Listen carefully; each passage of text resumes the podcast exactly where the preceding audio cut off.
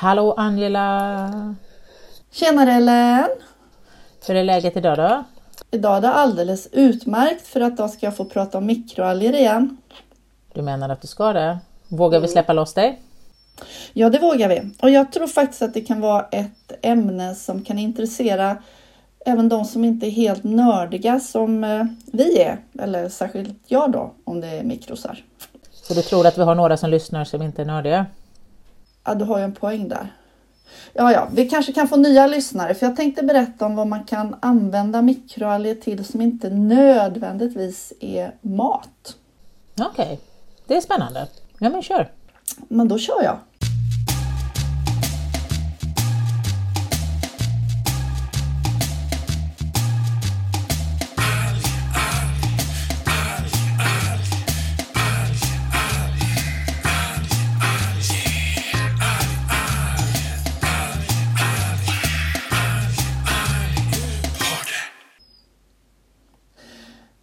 Är det så att vi har ju en väldigt, väldigt stor mängd av mikroskopiska alger. Vi kallar dem oftast är det ju växtplankton vi pratar om, men det finns ju även de som lever på botten och de som lever på sten och i sten och allt möjligt.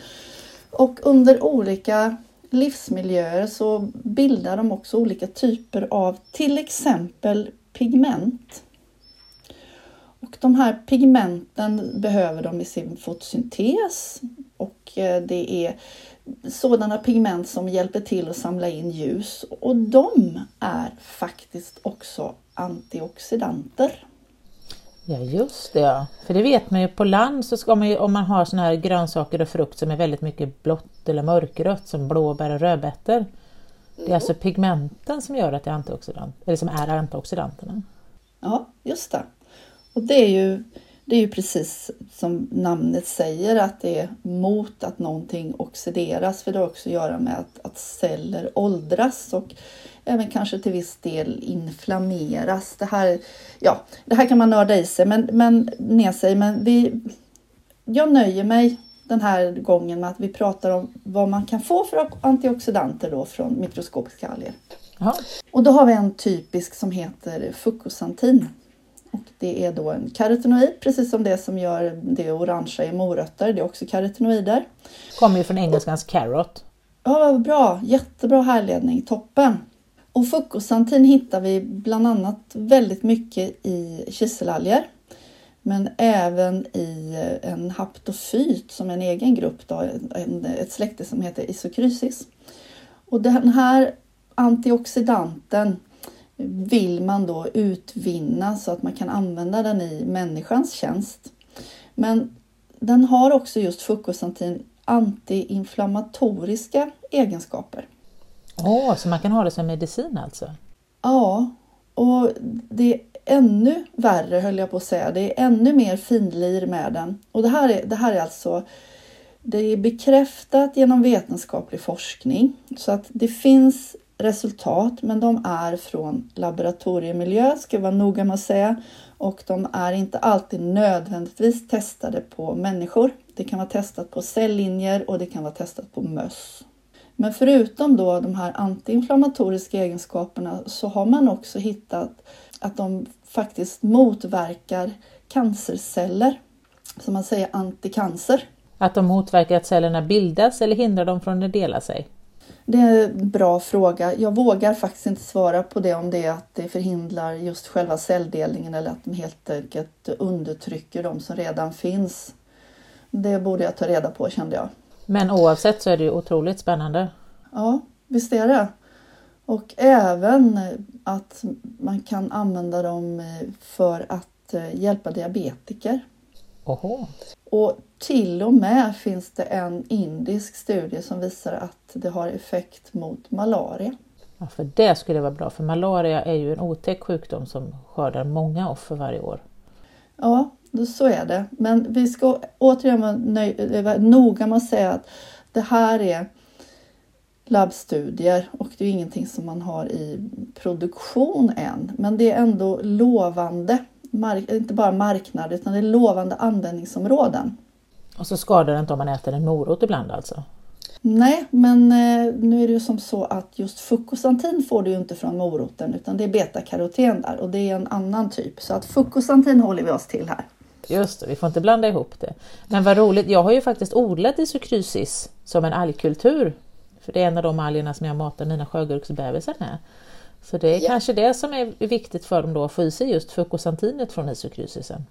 Det kan det absolut vara. Nu innehåller isokrysis även andra gottiga saker till dina sjögurkor men det skadar definitivt inte om de får i sig fucosantin. Vad bra, då ska jag mata dem med extra mycket. Och sen har vi ytterligare ett sånt här pigment som finns i en framförallt en speciell kiselalg som heter Haslea ostriaria. Och eh, du kanske, jag vet inte om det ringer lite grann klocka för dig när man säger Haslea, men du är mer inne på makroalgsmänniskor. Ja, men jag tänker att Haslea låter som någon som heter Hassel kanske, eller Hassle? Hassle, Grete Hassle. Det var en auktoritet inom eh, kiselalgsområdet. Hon var framförallt expert på de här giftiga pseudonytcherna. Oj, de är ju otäcka. Ja, det är de. Men om vi går tillbaka till den här Haslea ostriaria. Ostriaria kommer just för att den tycker om att sitta på ostron och eh, musslor. Den gör ingen skada men den trivs i de miljöerna. Och den här har ett eh, pigment som är blått.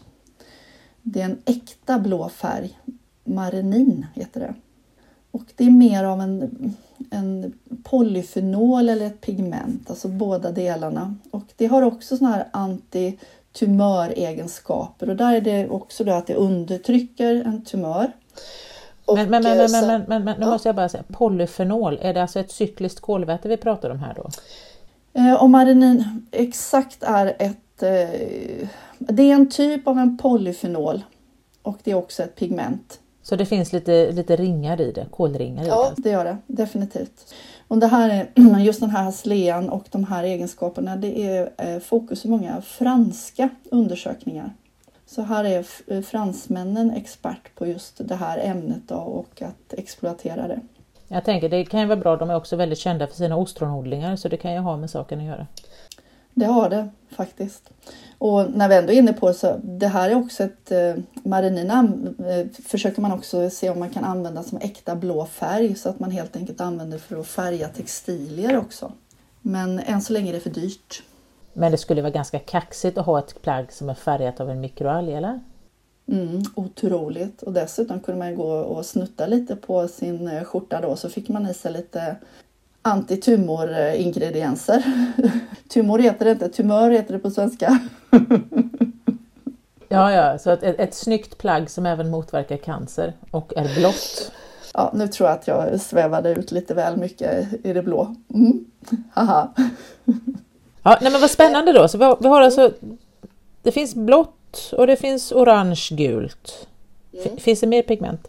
Ja, vi kan ju, om vi håller oss kvar vid den här marinin lite till så är det också antiviralt, alltså det är mot virus. Hoppsan så.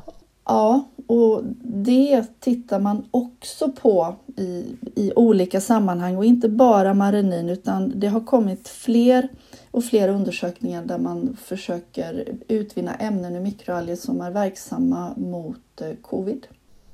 Mm, jag tänker mig. Och där pågår det studier i Nederländerna. Och då har man några lovande som inte är publicerade än. Då. Men som mina kollegor har berättat att de eh, är på väg att hitta eh, antivirusegenskaper hos mikroskopiska alger som på sikt kan användas i bekämpning av bland annat covid-19. För det är ju väldigt intressant att havet, det, det är så mycket som vi inte vet om vad som finns i havet och framförallt vad saker och ting innehåller för ämnen. Mm. Det är ju många möjligheter till mediciner som vi kan få för eftersom i havet så sker ju all kommunikation nästan med kemisk väg. Så det finns ja. ju så mycket kemikalier där som, som vi inte ännu känner till och som sagt som vi kan utvinna. Så det är ju väldigt, därför är det så väldigt viktigt att vi inte dödar av haven. Mm. Nej, men eh, det, det här är några sådana här egenskaper då som, som är relaterade till läkemedel.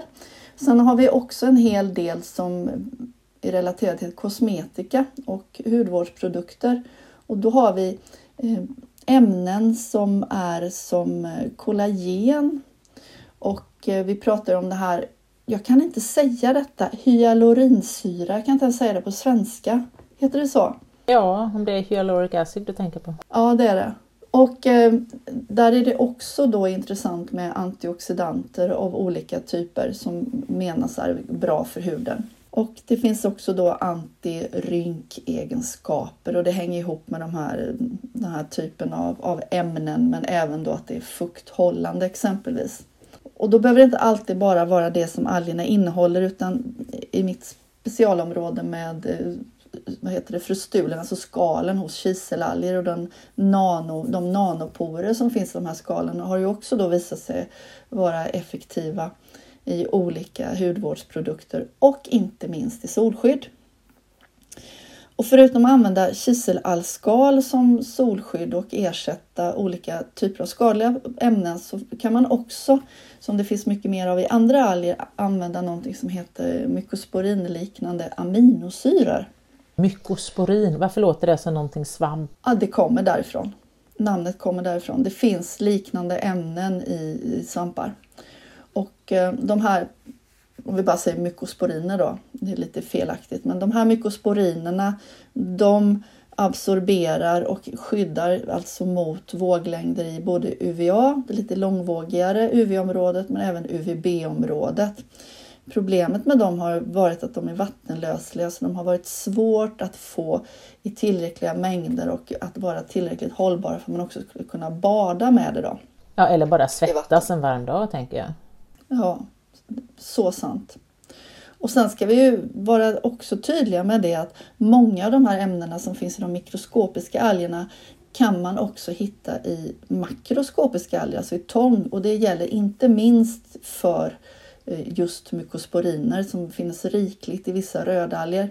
Grejen är med det, det är att de här rödalgerna kan samtidigt användas som mat men de mikroskopiska algerna som producerar de här ämnena använder man än så länge inte som föda för människor eller djur. Och då är det bättre ur både hållbarhetssynpunkt och, men även av andra aspekter att man faktiskt eh, nyttjar de här mikroskopiska algerna till att utvinna de här produkterna. Ja, för att odla mikroskopiska alger, det vet ju du eftersom du har ett företag som just odlar mikroskopiska alger. Det kan man ju göra ganska så platseffektivt eftersom de inte mm. alltid behöver otroligt mycket ljus och man kan liksom odla dem som i travar, så man tänker sig som ett bageri med massor med plåtar staplade på varandra. Så har man det, fast en liten lampa i botten på varje så den lyser ner på den under och sen så, så så får de det. Så man kan ju, det blir ganska stor yta fast man odlar på höjden så att säga. Ja men precis, precis. Och sen finns det också då alger, alger vill ju ha ljus men det finns alltså mikroskopiska alger som, han har, eh, som har förmåga att eh, ta upp organiska ämnen alltså att de är mer djurlika och då kan man odla dem i mörker och då slipper man det här eh, om man nu tycker att det är ett problem med att tillföra ljus. Det kan ju bli det. Och en väldigt, väldigt populär grönalg är klorella. Och just klorella och klorella vulgaris använder man i både kosmetiska produkter och som biobränsle och för att utvinna proteiner. Alltså det här är en, en mikroskopisk alg som har väldigt många olika användningsområden och växer otroligt snabbt dessutom. Men det är ju en bra egenskap, för det är ju det här när man ska odla någonting och skörda så får det inte ta för lång tid. Det blir ju en, en långsiktig investering. Mm, exakt så. Sen har vi också de som trivs väldigt, väldigt bra i otroligt salt vatten. Dunaliella salina, det är också en encellig grönalg mm, som innehåller extremt höga mängder av eh, antioxidanter som då inte är fukosantin utan lutein och eh, även till viss del zeaxantin. Och det både som kosttillskott men också i mängder av olika produkter där man då även behöver en röd färg. Som att man använder det för att färga framförallt matprodukter men eh, man ser även över nu att färga textilier med det. Eftersom textilfärg ofta är giftigt. Sen har vi varit inne på det här tidigare att eh, de här olika algerna kan man då också odla i restvatten från industrin, från eh, fiskodlingar, från kanske till och med i vad heter det, konservindustrin med mera. Men då är det skillnad på vad man ska använda dem till. Ska man använda dem till att, till att färga någonting så gör det inte så mycket. Men ska man använda dem till att äta då behöver man ha, man ha mer kontroll på hur man odlar dem. Förutom de här högvärdiga molekylerna som vi varit inne på så kan man också använda biomassan och även oljan som vissa mikroskopiska alger innehåller för att framställa biobränsle. Och biobränsle, det har vi hållit på med länge att eh, försöka framställa från alger och det har gått bra också under väldigt lång tid. Problemet är att det är så mycket dyrare än fossilt bränsle.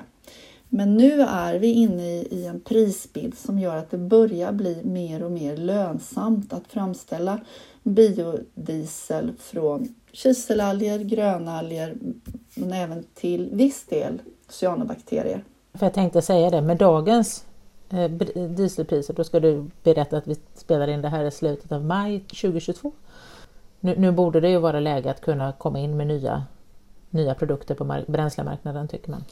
Och det gör man också och man ser även över hur man kan få mikroalger att eh, producera vätgas och även eh, bioetanol. I och med att det blir mer lönsamt, forskningen är i princip redan där, så då är det att ta steget från, från laboratoriemiljö till en kommersiell miljö alltså och odla upp en industriell skala.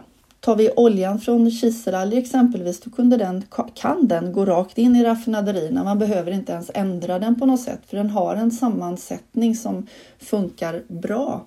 Så där gäller det bara att hitta ett sätt att odla upp i tillräckliga mängder och sen så kunna få ut oljan på ett kostnadseffektivt sätt. Så lite pill och pyssel, men det, det är görbart alltså? Ja, det är definitivt görbart. Och bioplaster är också någonting. Där återigen, det är självklart även så att man använder makroalger, alltså tång för att framställa bioplaster. Men det finns en hel sammanställningsartikel, en så kallad reviewartikel som bara handlar om hur man producerar bioplaster från mikroalger.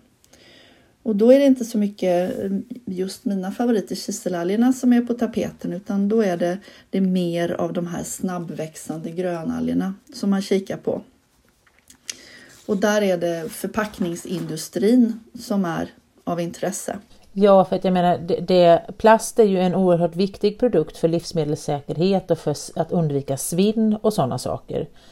Så att eh, kan vi då få till plaster som håller men även som sen då kanske bryts ner i solljus eller är bättre att återvinna eller någonting så vore det fantastiskt.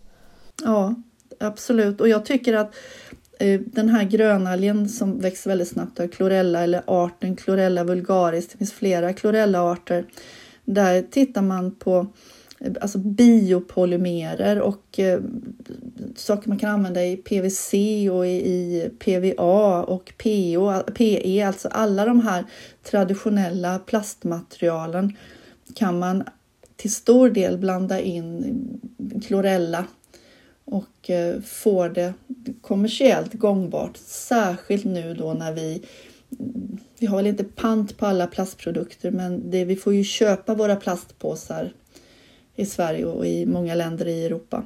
Ja, Sverige är väl ett av de sista länderna som införde en högre skatt på plastpåsar. Det vet jag att man hade på Mauritius redan 2006. Då är vi väldigt långt efter. Men vi är i alla fall där nu. Men det är, också som du säger att det beror ju på hur vi tar hand om plasten efteråt. Så även om det är bioplaster så behöver inte en bioplast vara 100% nedbrytbar den heller. För att det är ju blandningar av olika material. Ja, precis. Eh, vår vän eh, Spirulina, alltså Arthrospira då, är eh, bland annat inblandad i det här att framställa någonting som liknar gladpack. Sådana här tunna plastfilmer som man kan använda ja, för att sin smörgås eller vad man nu vill ha eller någon grönsak, whatever. Men då är det alltså en cyanobakterie som vi använder här helt plötsligt? Ja, det är det. det, är det. De har ju många liknande egenskaper med andra som då är alger, men andra mikroskopiska organismer. Så att eh, ibland är det lätt att klumpa ihop dem. Men det vet alla nu att eh, cyanobakterier har primitiva celler, prokaryota celler och alger har eukaryota celler.